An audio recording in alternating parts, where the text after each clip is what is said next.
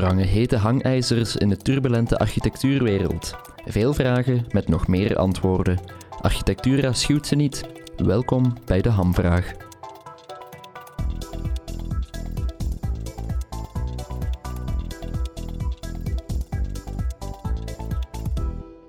Dit is een podcast van Architectura, mede mogelijk gemaakt dankzij Finstral, Van der Zande en All Colors of Communication. Ik ben Stef Pennemans en uw host is Rick Neven. Is de opsplitsing tussen gekkeros en kwaliteitskamers overbodig? Nee.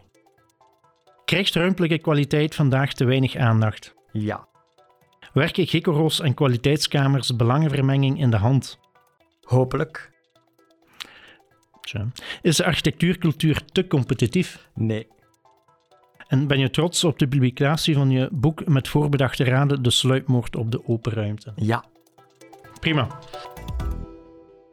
Welkom bij de podcast De Handvraag. Vandaag zoeken we een antwoord op de vraag hoe zinvol zijn kwaliteitskamers en gekoro's. Om deze te beantwoorden hebben we drie gasten. Dat zijn Tom Koppens van U Antwerpen, Cathy Lamers van NAV en Gekoro Grimbergen en tenslotte Edith Wouters, artistiek coördinator van Arthur. Welkom allemaal. Uh, kunnen jullie zich even voorstellen en ook eens even toelichten wat jullie met dat thema te maken hebben? We beginnen met uh, Edith. Ja, ik ben dus Edith Wouters. Ik ben inderdaad artistiek coördinator van Arthur en dat is het platform voor architectuur en ruimte. Wij hebben als missie om impact uit te oefenen op de kwaliteit van de gebouwde omgeving als een culturele organisatie. En uh, wij doen dat voornamelijk met de focus op de dorpse en kleinstedelijke omgeving uh, vanuit de Kempen waarin wij werken. We hebben recent de Toolbox Dorpse Architectuur uitgegeven. En ik ben ook lid van de kwaliteitskamer van Herentals. Dat is nog een heel recente kwaliteitskamer het Stadsatelier Oostende en ook lid deskundige van twee GECORO's in de Kempen. Oké. Okay. Katje, je bent ook lid van een GECORO, geloof ik, hè? Ja, klopt. Ik ben uh, lid van ook twee GECORO's. De GECORO van Grimbergen, waar ik voorzitter ben, en dan de GECORO van Vilvoorde, waar ik zetel als deskundige. En ik ben ook voorzitter van een werkgroep bij NAV die we recent hebben opgericht. En dat is de werkgroep Ruimtelijk Beleid in GECORO. En de reden waarom dat we die werkgroep hebben opgericht, uh, opgericht, dat is omdat we enerzijds uiteraard bij NAV ook regelmatig input gevraagd worden in het beleidsmatige kader van het ruimtelijk beleid.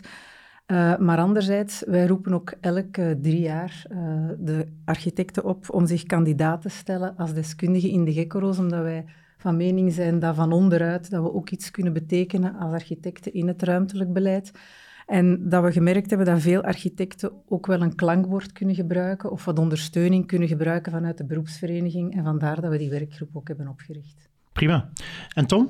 Ja, ik ben uh, Tom Koppens. Ik ben professor aan de Universiteit Antwerpen, ruimtelijke planning en stedenbouw. En um, ja, ik, heb, ik ben zelf ook uh, lid van een GICRO van Kampenhout, een kleine gemeente in Vlaams-Brabant. Ik ben daar ondervoorzitter. Um, en ja, ik heb uh, ook in mijn verleden uh, meegewerkt aan studies over de GICRO. We hebben de, ik denk een van de enige studies die gemaakt is in Vlaanderen over de werking van de GICRO, maar is ondertussen al wat gedateerd, tien jaar geleden. Maar ik denk dat de resultaten van toen nog altijd wel gelden vandaag. Tom, wat is eigenlijk de rol van GKRO's enerzijds en kwaliteitskamers anderzijds? En, en wat is juist het verschil tussen de twee? Ja, een GKRO heeft een uh, decretale rol. Hè. Dus de, eerste rol van de, van de GKRO is eigenlijk het, uh, het, gemeentelijk beleid adviseren bij opmaak van structuurplannen of beleidsplannen. Hè. het heeft ook een rol om het, het behandelen van de bezwaarschriften die komen bij het opmaken van ruimtelijke uitvoeringsplannen. En GKRO's kunnen ook eh, op, uh, betrokken worden bij de vergunningverlening. Hè, maar dat is eigenlijk, uh, dat hangt GKRO per GKRO af of dat, dat effectief wordt opgenomen. Um, GKRO's worden ook samengesteld met, uit verschillende geledingen hè, dus, um, en een aantal experten. dus die geven meer een afspiegeling van de maatschappij, laten we zeggen, hè, dus vanuit verschillende hoeken.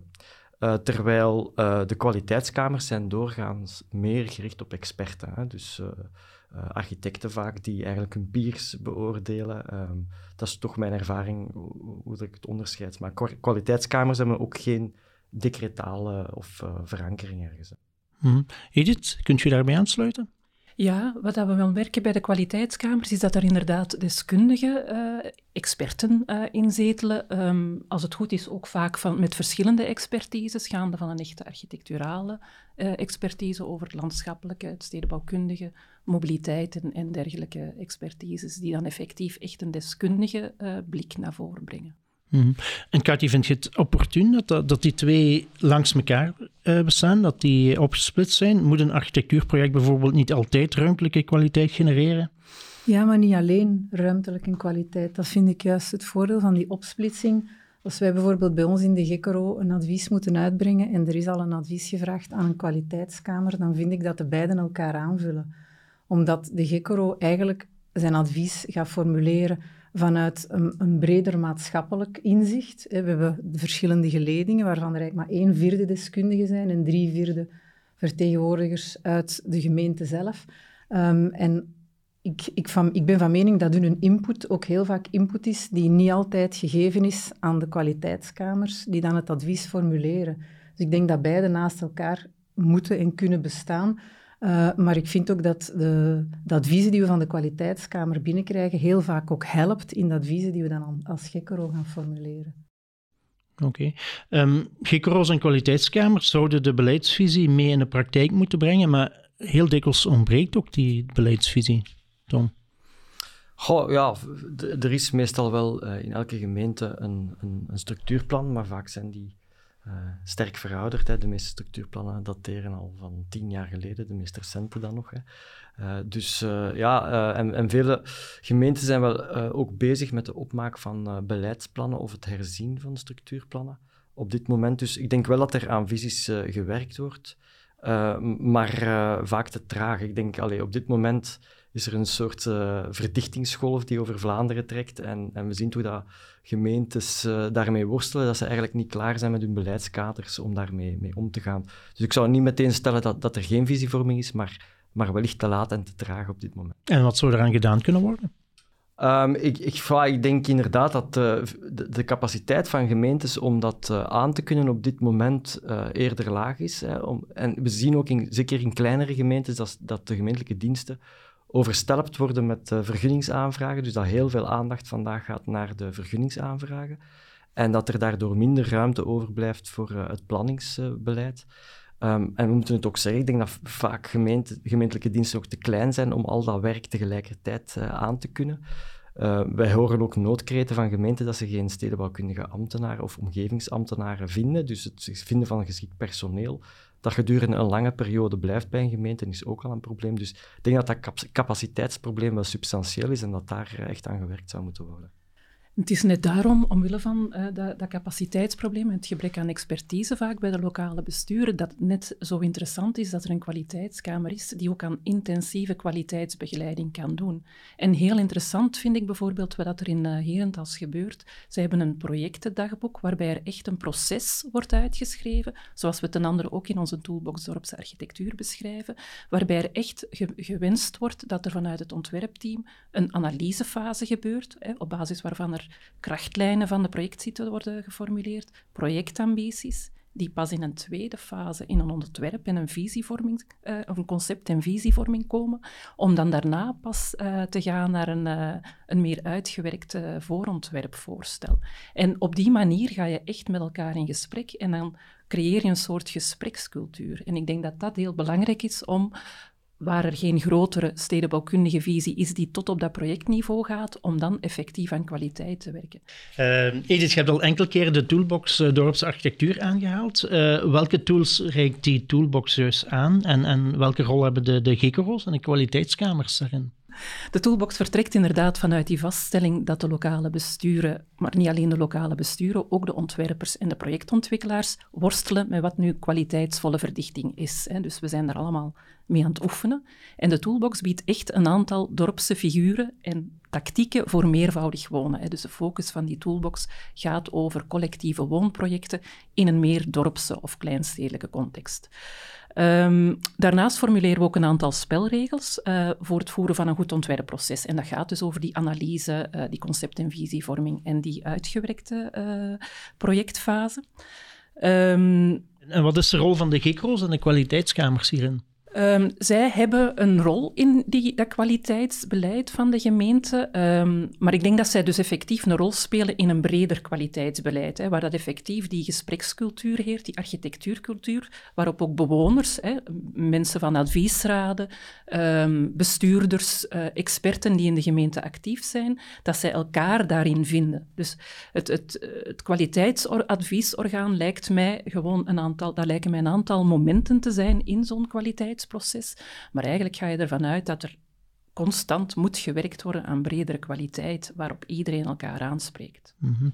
Katja, je hebt al redelijk wat ervaring met uh, GKO's en kwaliteitskamers. Heb je daar ook een evolutie in, in gezien? Uh, gaan die anders te werk dan dan pakweg tien jaar geleden? Zijn er stappen vooruit gezet? Ik zie er nog geen tien jaar in, maar ik kan wel spreken ja. over de laatste, laten we zeggen, uh, zes jaar. En ik heb, naar aanleiding van de oprichting van onze werkgroep bij NAV, heb ik uw studie, waar je het er juist over had, de studie van Tom, gelezen. Um, en als je de vraag stelt, is er veel evolutie? Helaas, uw studie is nog heel actueel vandaag. Dus de pijnpunten die daarin staan, die zijn er vandaag nog altijd. Maar wat dat we wel hebben vastgesteld, dat is dat er uh, ook in onze werkgroep heel veel afhangt van de voorzitter ook van die GECORO's. Hoe dat die dat eigenlijk aanpakt en hoe dat die het eigenlijk een beetje meestuurt. Hm. Ja, maar als achteraf gezien, en dat is altijd, nog altijd geldig denk ik, we hebben gezien dat er eigenlijk verschillende soorten gemeentes zijn. Hè? Verschillende hm. soorten gemeentebesturen. Je hebt gemeentebesturen die dat als een kans zien, een mm. GECRO en een kwaliteitskamer, en die inderdaad heel open graag discussiëren over die verdichting en daar graag maatschappelijk draagvlak over krijgen.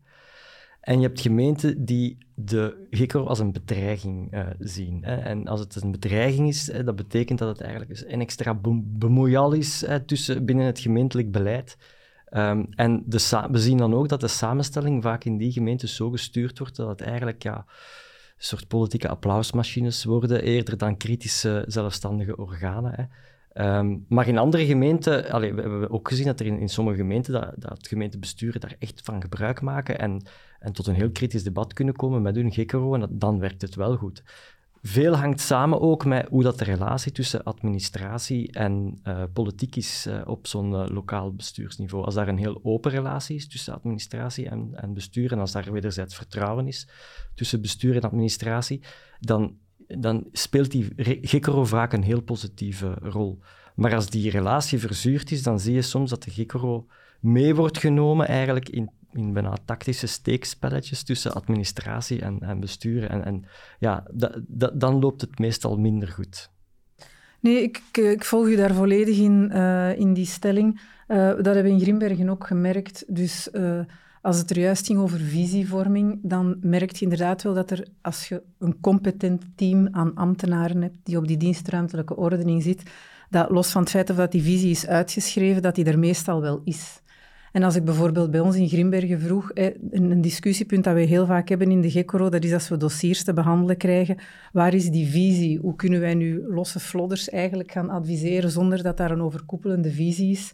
Um, als je dan vraagt aan de gemeente zelf, um, dan is de hoofdreden eigenlijk waarom die visie er vandaag niet uitgeschreven is, omdat men vindt dat, uh, dat men dat eigenlijk aan het begin van een legislatuur zou moeten kunnen doen. En heel vaak, als je midden in een legislatuur zit, tegen dat men goed en wel dat, dat traject gestart heeft, is er nadien een andere beleidsploeg die misschien een andere visie heeft. En dan is dat eigenlijk allemaal werk voor niks geweest. Vandaar, dat is eigenlijk ook een oproep naar alle gemeentebesturen die vandaag beginnen na te denken, wie gaat er volgende keer aan het roer staan, neem dat al mee op in uw, uw partijprogramma of in uw, uw programma van wat is uw beleid en uw visie.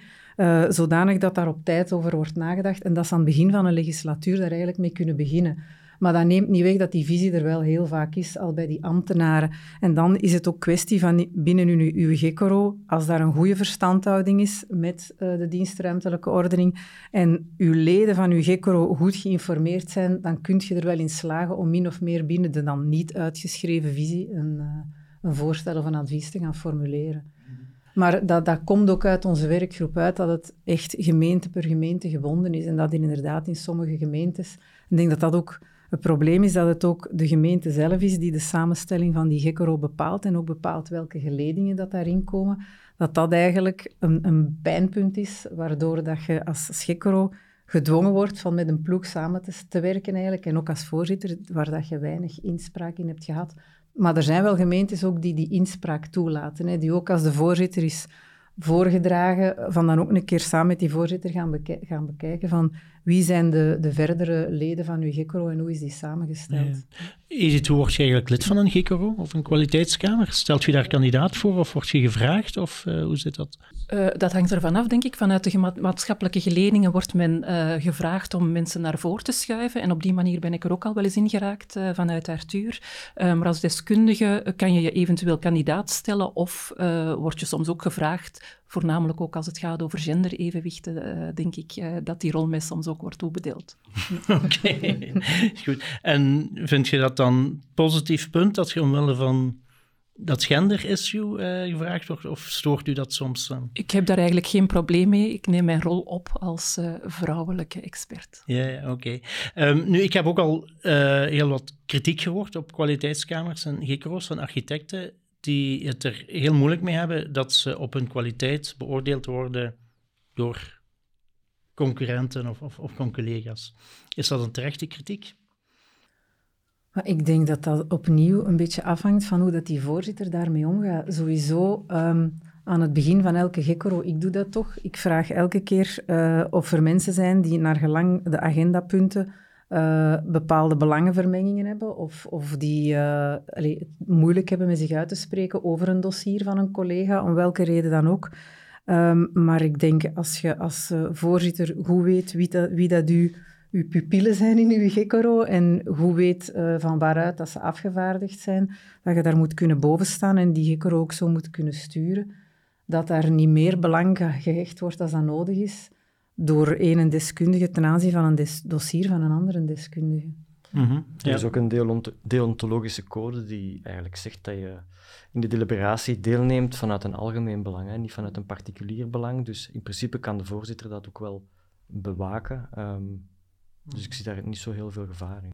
Ik zie daarin eigenlijk, als je gaat, het gaat eigenlijk nooit over één architect die een andere collega beoordeelt. Ik zie daar toch wel de objectivering van een veelheid van meningen, van subjectieve meningen, die maakt dat we, dat we architectuurprojecten op een redelijk objectieve manier kunnen beoordelen. Of dat nu een GECRO is en meer nog in een kwaliteitskamer. Dat is niet anders dan dat het bij architectuurwedstrijden of bij architectuuropleidingen gebeurt. Er is een manier om te spreken over architectuur en stedenbouwkundige kwaliteit. En dat is ook waarom we de Toolbox Dorpsarchitectuur hebben gemaakt. Net om die taal en die tools aan te bieden, zodanig dat ook adviesleden uh, of, of, leden van adviesraden die minder vertrouwd zijn met, met het spreken over ruimtelijke kwaliteit, daar ook in mee kunnen. En we zien toch dat dat werkt. Tom, uh, we komen nog even terug op je boek met voorbedachte raden, dat je geschreven hebt met Guy Vloeberg en Peter Renaar, uh, waarin jullie ook het vergunningenbeleid op de korrel nemen. En daar zit je toch wel uh, redelijk scherp in soms. ik ga een citaat voorlezen.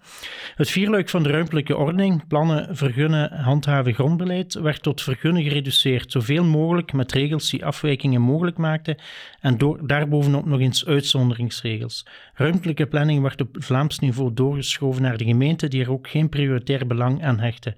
Alles kan nog steeds overal.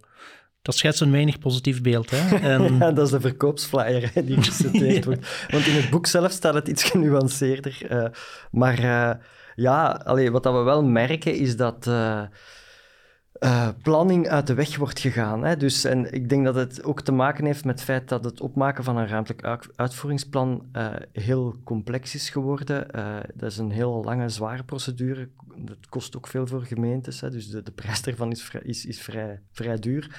Um, en de appetijt om naar planning te gaan is weg. En we zien dat dat dan in de regelgeving eigenlijk planning buitenspel wordt gezet. Maar daardoor krijg je een beleid dat eigenlijk heel ad hoc wordt. Hè. Dus men gaat vergunning per vergunning beslissen. We zien dat bijvoorbeeld ook bij de stedenbouwkundige lasten. Bij elke groter dossier waar dat er een verdichting gebeurt, wat er meer gezinswoningen zijn, zal er stedenbouwkundige lasten uh, worden, worden gevraagd aan de ontwikkelaar. Maar dan wordt dat project per project bekeken. Hè.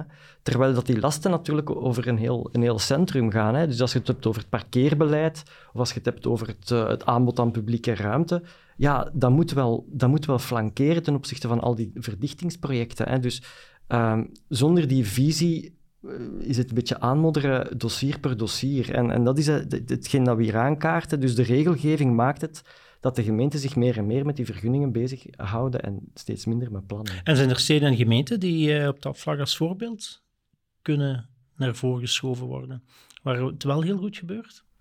Ja, ik denk, allee, ik denk dat je wel een onderscheid moet maken tussen de, de, de grotere steden, waar die heel veel planningscapaciteit hebben en waar dat er zeker en vast nog plannen worden opgemaakt, en, en de kleinere gemeenten die minder eh, capaciteit hebben. Hè. In de grote gemeenten, zoals Antwerpen, Gent, Hasselt, uh, de, de, centrumsteden, daar zie je eigenlijk wel dat men op een planmatige manier uh, aan de slag gaat en ook die capaciteit heeft. -hmm. ja. Je hebt in de, de veelbesproken Pano-reportage ook nog de nauwe banden tussen politiek uh, en de bouw- en vastgoedsector aangekaart. Kunnen GECORO's en kwaliteitskamers daar ook een rol in spelen om dat te verhelpen? Wel, dat was mijn hoop. Hè. Dus ik had dat uh, ook in de, bij de vragen geantwoord uh, van ik hoop het. Hè. Dus uh, ja, ik, ik, ik, geloof wel sterk, hoe meer ogen dat er toekijken, hoe meer transparantie dat er is, hoe minder dat je vanuit een lokaal bestuur incentives hebt om aan dienstbetoon te doen, of zelfs om aan die verstrengeling met, met de bouwsector toe te geven. Hè. Dus Um, ik denk dat dat een belangrijk uh, principe is. Hè. Dus maximale transparantie, veel openheid, publiek debat over wat er gebeurt in de gemeente. Um, dat, dat, dat, moet noodzakelijk volgen, want op gemeentelijk vlak staan uh, bestuurders vaak heel dicht uh, bij hun kiezers. Hè. En ook bij de ondernemers in, in, die, in die lokale gemeente. En ja, je moet vermijden dat daar dan inderdaad ja, deals worden gesloten tussen die, tussen, tussen die partijen, die soms legitiem zijn, hè, maar, maar het moet natuurlijk wel het publieke belang uh, dienen. Mm -hmm. wat jij ook al ervaren hebt, Cathy? Ja, ik denk um, dat de, de, de, democratische gehalte uh, van die gekkoro's, dat werkt wel. Uh, in die zin, enerzijds heb je als gekkoro die input nodig van al die verschillende geledingen, maar anderzijds worden die verschillende geledingen ook geïnformeerd dankzij die gekkoro. En dat gaat dan eigenlijk terug naar hun achterban, als je het zo kunt noemen. En dan hebben we toch al wel gemerkt dat er van daaruit, los van de Gekoro-actiegroepen, ontstonden die ervoor gezorgd hebben dat bepaalde projecten, waarvan dat we eigenlijk als Gekoro ook zeiden van dit is een slecht idee op het grondgebied, uh, dat die op die manier wel zijn tegengehouden geweest. Um, dus ik denk wat dat betreft dat zeker die Gekoro zijn rol wel kan spelen. Mm -hmm. Nu, alles staat of valt dan toch wel um, inderdaad met wat, welke projecten er precies op die GECORO terechtkomen. Ik moet toch wel vaststellen dat dat soms toch weinig transparant is. Ja. Ah, ja, dus op, op, vlak van vergunningen is het aan de GECRO zelf om te bepalen welke vergunningen worden besproken uh, in de GECRO. En dat is natuurlijk uh, het, uh, de voorzitter die daar een enorme rol in, in, speelt en die bepaalde dossiers op de agenda kan, kan zetten. Dus er, daar ligt daar wel een grote verantwoordelijkheid voor, voor voor de voorzitters van de GECO's. Je moet natuurlijk als voorzitter dan ook voldoende geïnformeerd worden over wat dat er beweegt op je grondgebied, want het is inderdaad zo, sommige dossiers worden bewust wat in de achterkamertjes gehouden, omdat dat politiek bijvoorbeeld zeer delicaat ligt, of dat daar andere belangen mee gemoeid zijn. Maar ik zeg dat ook dikwijls bij ons in de GECRO, weet dat jullie, als er een tweederde minderheid is, hè, uh, dat je dossiers kunt vragen om die te agenderen op de GECRO. En dan moet de gemeente, wat dat die op dat moment heeft aan stukken, moet die, die wel publiek maken. En we hebben dat ook afgelopen jaar al een keer gedaan. Dus, mm -hmm. Maar daar inderdaad is de rol... We hebben dat ook al gedaan. Ja. Eigenlijk zelf initiatief ja. genomen om ja. bepaalde dossiers te mogen bespreken. Mm. Mm -hmm. Ja, dat merk je denk ik wel. Ik denk dat daar wel een verschuiving is. Ik, ben, ik draai al mee sinds denk ik de eerste uh, beleidsperiode waarin de GECORO's uh, actief waren. In het begin mocht ik bijvoorbeeld het woord architectuur daar niet in uitspreken, want dat ging over ruimtelijke ordening. Uh, terwijl daar, daar zijn we nu ook al wel, natuurlijk met het groter worden van, van vele, vele projecten door het collectieve wonen, verandert dat wel. En effectief, je ziet ook die verandering van het proactief meewerken aan kwaliteit. Dus dus in die zin zie je toch gaandeweg iets van een gesprekscultuur ontstaan, denk ik. Hetzelfde met de kwaliteitskamers. Hè. De voorbije Festival van de Architectuur gebeurde er een, een, een, kennisuitwisseling tussen de kwaliteitskamers uit heel Vlaanderen. Dus dat lijken mij toch wel kleine, maar fijne stappen vooruit in het werken aan zo'n zo'n zo'n cultuur, waarin die vastgoedbelangen uh, veel minder kans krijgen. Mm -hmm. Op de lange duur. En ervaren sommige architecten het niet een beetje als een rem, zo'n GKO of een kwaliteitskamer? Dat ze zo extra controle krijgen over hun ontwerp? Nee, um, Ik denk dat uh, Allee, de, de GECORO aan zich is een adviesorgaan. Mm de gemeente kan in zijn beoordeling van de dossiers dat advies gewoon naast zich neerleggen. Het enige wat de gemeente op dat moment moet doen, is advie uh, verklaren, dus motiveren, motiveren waarom dat, dat advies eigenlijk niet gevolgd wordt. Daar misschien schort het wel een beetje, dat we vinden dat die adviezen eigenlijk... Dat daar heel licht wordt overgaan, dat wat beter zou kunnen geadviseerd worden. Maar ik heb toch niet de indruk dat architecten bij ons in de gemeente een gekko als een rem zien. Ze zien dat zelfs de architecten die we uitnodigen om hun dossier te komen toelichten, voorafgaand aan de adviesverlening, die zien dat eigenlijk toch nog eerder als een kans of een opportuniteit om de dingen die je gewoon op een plan of in een dossier niet leest, om die eigenlijk nog een keer te kunnen verduidelijken.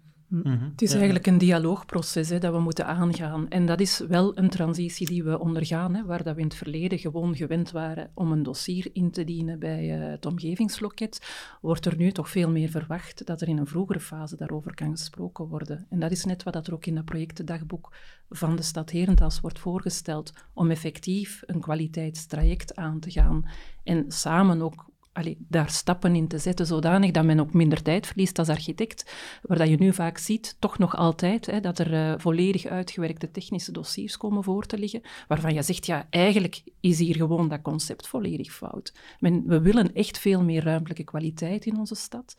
Um, dus eigenlijk zou men daar en, en in dat geval, wat, wat, gebeurt er dan? Wordt het dan helemaal herbekeken? Of? Ja, vanochtend hebben wij een aantal projecten besproken waarvan je moet vaststellen van oei, er is hier geen goede analyse gebeurd van, van, van de van de projectsite. Men mist totaal alle omgevingscontext, men mist totaal de erfgoedaspecten van, van, uh, van de site zelf. Uh, ja, en dan moet je eigenlijk opnieuw beginnen. Dat is uh, verloren tijd en energie hè, voor ontwerpers mm -hmm. en ontwikkelaars. En, en wat als niet iedereen dezelfde mening heeft? Dan wordt er gewoon gestemd ook? Of, of hoe gaat dat dan?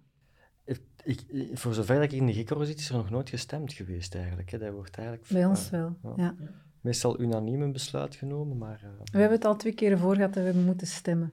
Ja, um, maar uh, meestal is het wel zo dat de meerderheid uh, dezelfde mening is toegedaan bij de adviesverlening, maar als we merken dat dat echt niet, niet het geval is, als daar echt twee tegenovergestelde adviezen zijn, dan stemmen we.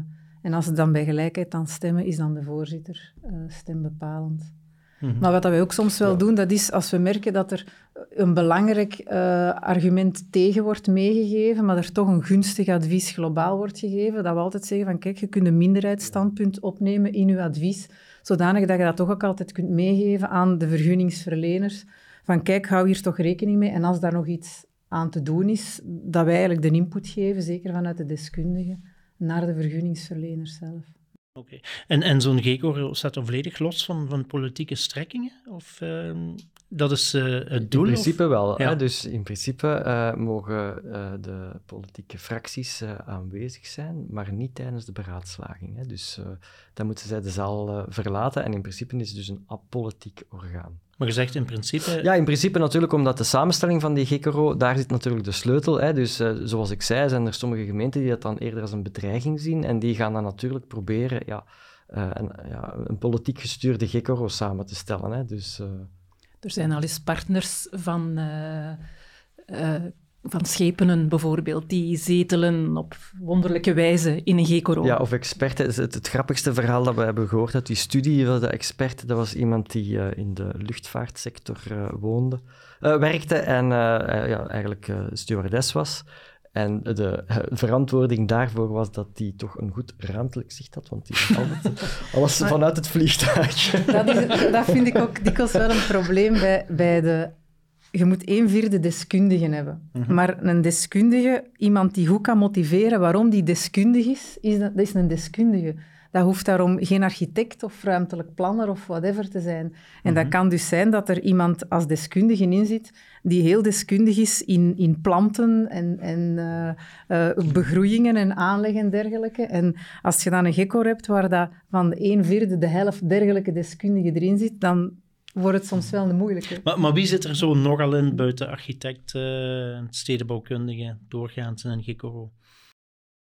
Ja, bijvoorbeeld uh, vanuit de landbouwers zit er vaak uh, iemand bij. Er zitten vaak lokale ondernemers bij. Vanuit uh, VOCA bijvoorbeeld. Mm -hmm. vanuit Unizo zitten daar ook vaak mensen. Van Natuurpunt uit? Natuurpunt. Ja, ja. dus mm -hmm. het is eigenlijk heel, heel... Die maatschappelijke geleding, dat is, dat is eigenlijk heel, heel divers. En dat zijn zeker geen niet altijd experten. Hè. Alhoewel dat ik in onze eigen GICRO wel uh, versteld sta van de expertise, verzamelde expertise dat daar samen zit. Hè. Dus, uh, uh, maar en, wat dat die ook, ook inbrengen, dat is heel veel lokale kennis. Hè. Dat zijn vaak lokale mensen. En heel het geheugen van wat dat er met bepaalde sites in het verleden gebeurd is en wat dat er ooit beslist is geweest en zo, dat komt dan eigenlijk allemaal naar boven in die deliberaties. En dat is, ja, dat is eigenlijk wel heel fijn dat die lokale kennis daar ook een rol begint te spelen. En, en daarom is het ook, um, dat, is ook een probleem van die Gekoro-samenstellingen. In principe kan dat ook elke keer bij een nieuwe uh, beleidsploeg, kan ook die Gekoro compleet opnieuw worden samengesteld. En dat is dan een jammer, dat heel dat geheugen van mensen die er hebben ingezeten, dat je dat kwijt als die niet opnieuw verkozen worden. Dus dat is eigenlijk ook iets, wat, dat is een oproep ook naar gemeentebesturen toe. Probeer toch zoveel mogelijk mensen die er al in zitten, die waardevol waren in hun bijdrage, die bij een volgende uh, beleidsploeg opnieuw aan te stellen in de GECORO. Want dat is wel zo. We hebben bijvoorbeeld bij ons iemand zitten die uh, werkzaam is of werkzaam was in de plantentuin in Meissen. Het is onvoorstelbaar wat dat wij bijleren van die man in onze GECORO. En, het is gelijk dat je zegt, ook van, van landbouwhoek uit, bepaalde delen van de gemeente. ik, ik woon 22 jaar in de gemeente Grimbergen, waar ik eigenlijk absoluut geen idee had wat dat er daar, de gevoeligheden die daar spelen. Ja. Ja. We, we hadden de, de, discussie over een, uh, een lokaal bedrijventerrein, een soort regularisatie van een bestaand bedrijf dat zo'n vreemd zat. Hè. En ja, tijdens de discussie van de GICRO kwam heel de geschiedenis van dat bedrijf, iets wat dat dus nergens geschreven staat, maar ja, mensen die weten dat gewoon, want die zijn van het dorp, dus die, die kennen dat, die weten wat dat er gebeurd is, de hele voorgeschiedenis. En ja, dat brengt soms wel andere argumenten ook uh, bij in de discussie. Oké. Okay. Um, wat is jullie persoonlijke drijfveer om, om uh, lid te zijn van zo'n GECORO? Ik ben zelf heel geïnteresseerd, zeker ook vanuit mijn functie bij Arthur, in de gesprekscultuur. En inderdaad het leren van hoe mensen uh, elkaar betrekken en hoe dat dan een soort katalysator-effect ja, heeft. Ja, zo'n verrijkend effect, ja. ja. Mm -hmm. Oké. Okay. Gaat Um, ja, ik heb dat in het begin al gezegd, omdat, omdat wij er bij, als beroepsvereniging ook van uitgaan dat van onderuit, dat we als architecten ook iets kunnen betekenen, eerder dan elke keer met je dossier op een gemeente toe te komen en een beetje uh, ontgoocheld terug te gaan uh, als je iets niet vergund krijgt, uh, omdat er geen beleid of geen visie is in je gemeente, ja, doe er dan iets aan en mm -hmm. werk Het is ook aan leerrijk dat beleid voor u als, aan. als ja. architect om... om... Uh, en anderzijds ook, hè, dus je, je, je komt ontzettend veel te weten en je begrijpt het grondgebied beter waar dat je werkt. Ja, ja. ja. En jij toen? Ja, ook, ja, ik vind dat ik ook wel verschuldigd ben als, als professor ruimtelijke planning, dat je een steentje bijdraagt op dat vlak. Mm -hmm. Dus, en, en ik vind het ook heel interessant om uh, want wij zijn in, in onze dagdagelijkse bezigheid aan de universiteit heel, heel vaak met experten bezig, met expertenkennis. Maar ik vind dat dus ook wel heel interessant om zeker rond die lokale kennis uh, heel veel uh, ja, zelf te leren ook. -hmm. afsluitend, hebben jullie een, een, tip of een boodschap voor architecten en lokale bestuurders die meeluisteren? Een, een boodschap rond ruimtelijke kwaliteit? Edith? Ik denk dat het belangrijk is om het gesprek te blijven voeren uh, rond ruimtelijke kwaliteit. Uh, dat gebeurt in, in de kwaliteitsorganen, dus zeker blijven doen. Beschouw de GECRO als een opportuniteit en niet als een bedreiging. Mm -hmm. Oké. Okay. Ja, ik ging net hetzelfde antwoord geven. Gebruik uw GECORO, daar zit heel veel deskundigheid, er zit heel veel expertise in. Uh, omarm dat als uh, vergunningsverlenende overheid en luister daarnaar. Oké. Okay. Misschien gaat het een beetje overlappen met onze afsluitende vraag, en dat is de hamvraag die we stellen. Hè. Wat is nu de zin en de onzin van GECORO's en kwaliteitskamers? Edith.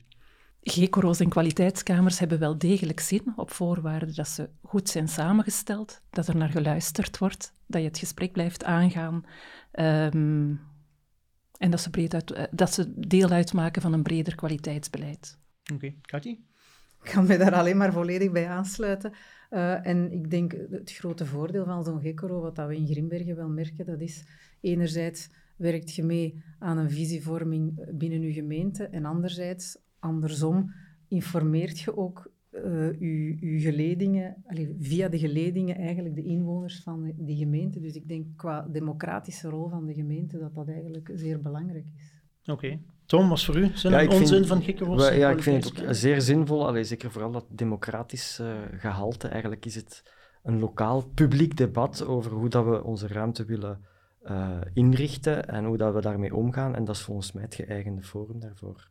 Prima, zo denk ik dat we een antwoord hebben kunnen formuleren op onze hamvraag. Heel erg bedankt voor het gesprek, Tom Koppens, Cathy Lames en Edith Wouters. Graag gedaan. Dit was De Hamvraag, een podcast van Architectura. Deze aflevering werd mede mogelijk gemaakt dankzij Finstral, Van der Zande en All Colors of Communication. Ik ben Stef Pennemans, de producent van deze podcast en de host was Rick Neven. Ben je geïnteresseerd in meer podcasts? Beluister dan zeker ook de rest van onze reeks De Hamvraag op architectura.be. Bedankt voor het luisteren en tot horens.